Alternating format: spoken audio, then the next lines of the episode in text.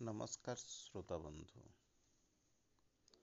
ମୁଁ ଆଜି ଗୋଟିଏ ଜୀବନର ଏକ ଗୁରୁତ୍ୱପୂର୍ଣ୍ଣ କଥା କହିବାକୁ ଯାଉଛି ଚାଣକ୍ୟ କହିଥିଲେ ଯେ ଯୌବନ ଧନ ସମ୍ପତ୍ତି ପ୍ରଭୁତ୍ୱ ଏବଂ ଅବିବେକିତା ପ୍ରତ୍ୟେକଟି ଗୋଟିଏ ଗୋଟିଏ ଅନର୍ଥର କାରଣ କିନ୍ତୁ ଯେଉଁଠାରେ ଏହି ଚାରିଟି ଯାକ ବିଦ୍ୟମାନ ହୋଇଥିବ ସେଠାକାର ପରିସ୍ଥିତି କଥା ସହଜରେ ଅନୁମାନ କରାଯାଉ ପାରୁଥିବ ଯୌବନ ହେଉଛି ଜୀବନର ଗୋଟିଏ ଆଦ୍ୟ ଭାଗ ଯେଉଁଥିରେ ଅନୁଭୂତିର ଅଭାବ ଥାଏ ସବୁକିଛିର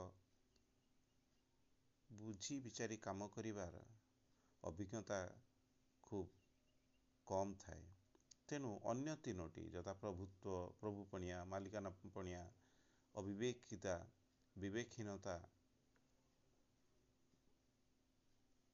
ଏସବୁ ଯୌବନ ଉପରେ ଭାରି ହୋଇଥାନ୍ତି। ତେଣୁ ପଥଭ୍ରଷ୍ଟ କରିବାରେ ଜୀବନକୁ ଜଞ୍ଜାଳମୟ କରିବାରେ ଅପର ତିନୋଟି ଯୌବନ ସମୟରେ ବେଶୀ ପ୍ରଭାବ କରିଥାନ୍ତି। ତେଣୁ ମୋ କଥାଟି ହେଲା ଆପଣମାନେ ଯୌବନ ଉପରେ ଅଧିକ ଗର୍ବ କର ନାହିଁ କାରଣ ଯୌବନ କ୍ଷଣସ୍ଥାୟୀ ଧନ ଯୌବନ ଅଢ଼େଇ ଦିନ। ତେଣୁ ଯୌବନ ସବୁଦିନ ରହିବ ନାହିଁ ଏହା କ୍ଷଣସ୍ଥାୟୀ। କିଛି ଦିନ ପରେ ଯୌବନ ଚାଲିଯିବ। କାନରେ ବଧିରପଣ ଆସିବା ପୂର୍ବରୁ ପ୍ରକୃତିର କଳରବ ଭଲ ଭାବରେ ଶୁଣିନିଅ ଗୋଡ଼ ଚାଲିବା ବନ୍ଦ ହେବା ପୂର୍ବରୁ ପ୍ରକୃତିର ଅପୂର୍ବ ଶୋଭାରାଜିକୁ ବୁଲି ବୁଲି ମନଭରି ଉପଭୋଗ କରିନିଅ। ଆଖିରେ ଅନ୍ଧାରପଣ ଆସିବା ପୂର୍ବରୁ ନିଜେ କରିଥିବା ଭୁଲକୁ ସୁଧାରି ନିଅ।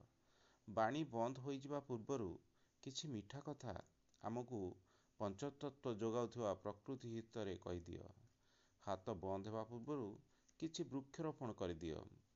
ଦେହ ପ୍ରକୃତି ବୁକୁରେ ଲୀନ ହେବା ପୂର୍ବରୁ କିଛି ବୃକ୍ଷରୋପଣ କରିଦିଅ ଯାହା ଆଗାମୀ ଦିନରେ ଆଉ କାହାର ଶରୀରକୁ ଶୀତଳ ଛାଇ ପ୍ରଦାନ କରିବ।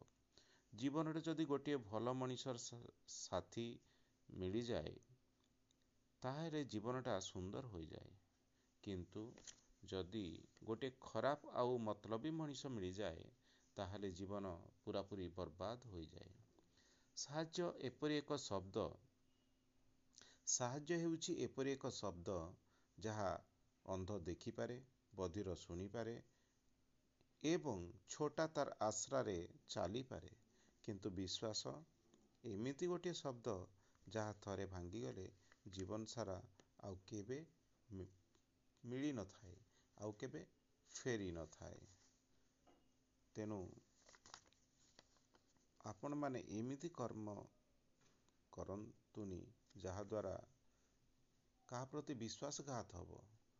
ସମସ୍ତଙ୍କର ଉପରେ ବିଶ୍ୱାସ ଅତୁଟ ରଖନ୍ତୁ ଏବଂ ସମସ୍ତଙ୍କର ବିଶ୍ୱାସ ଏବଂ ଭରସା ବଜାୟ ରଖନ୍ତୁ। ଧନ୍ୟବାଦ।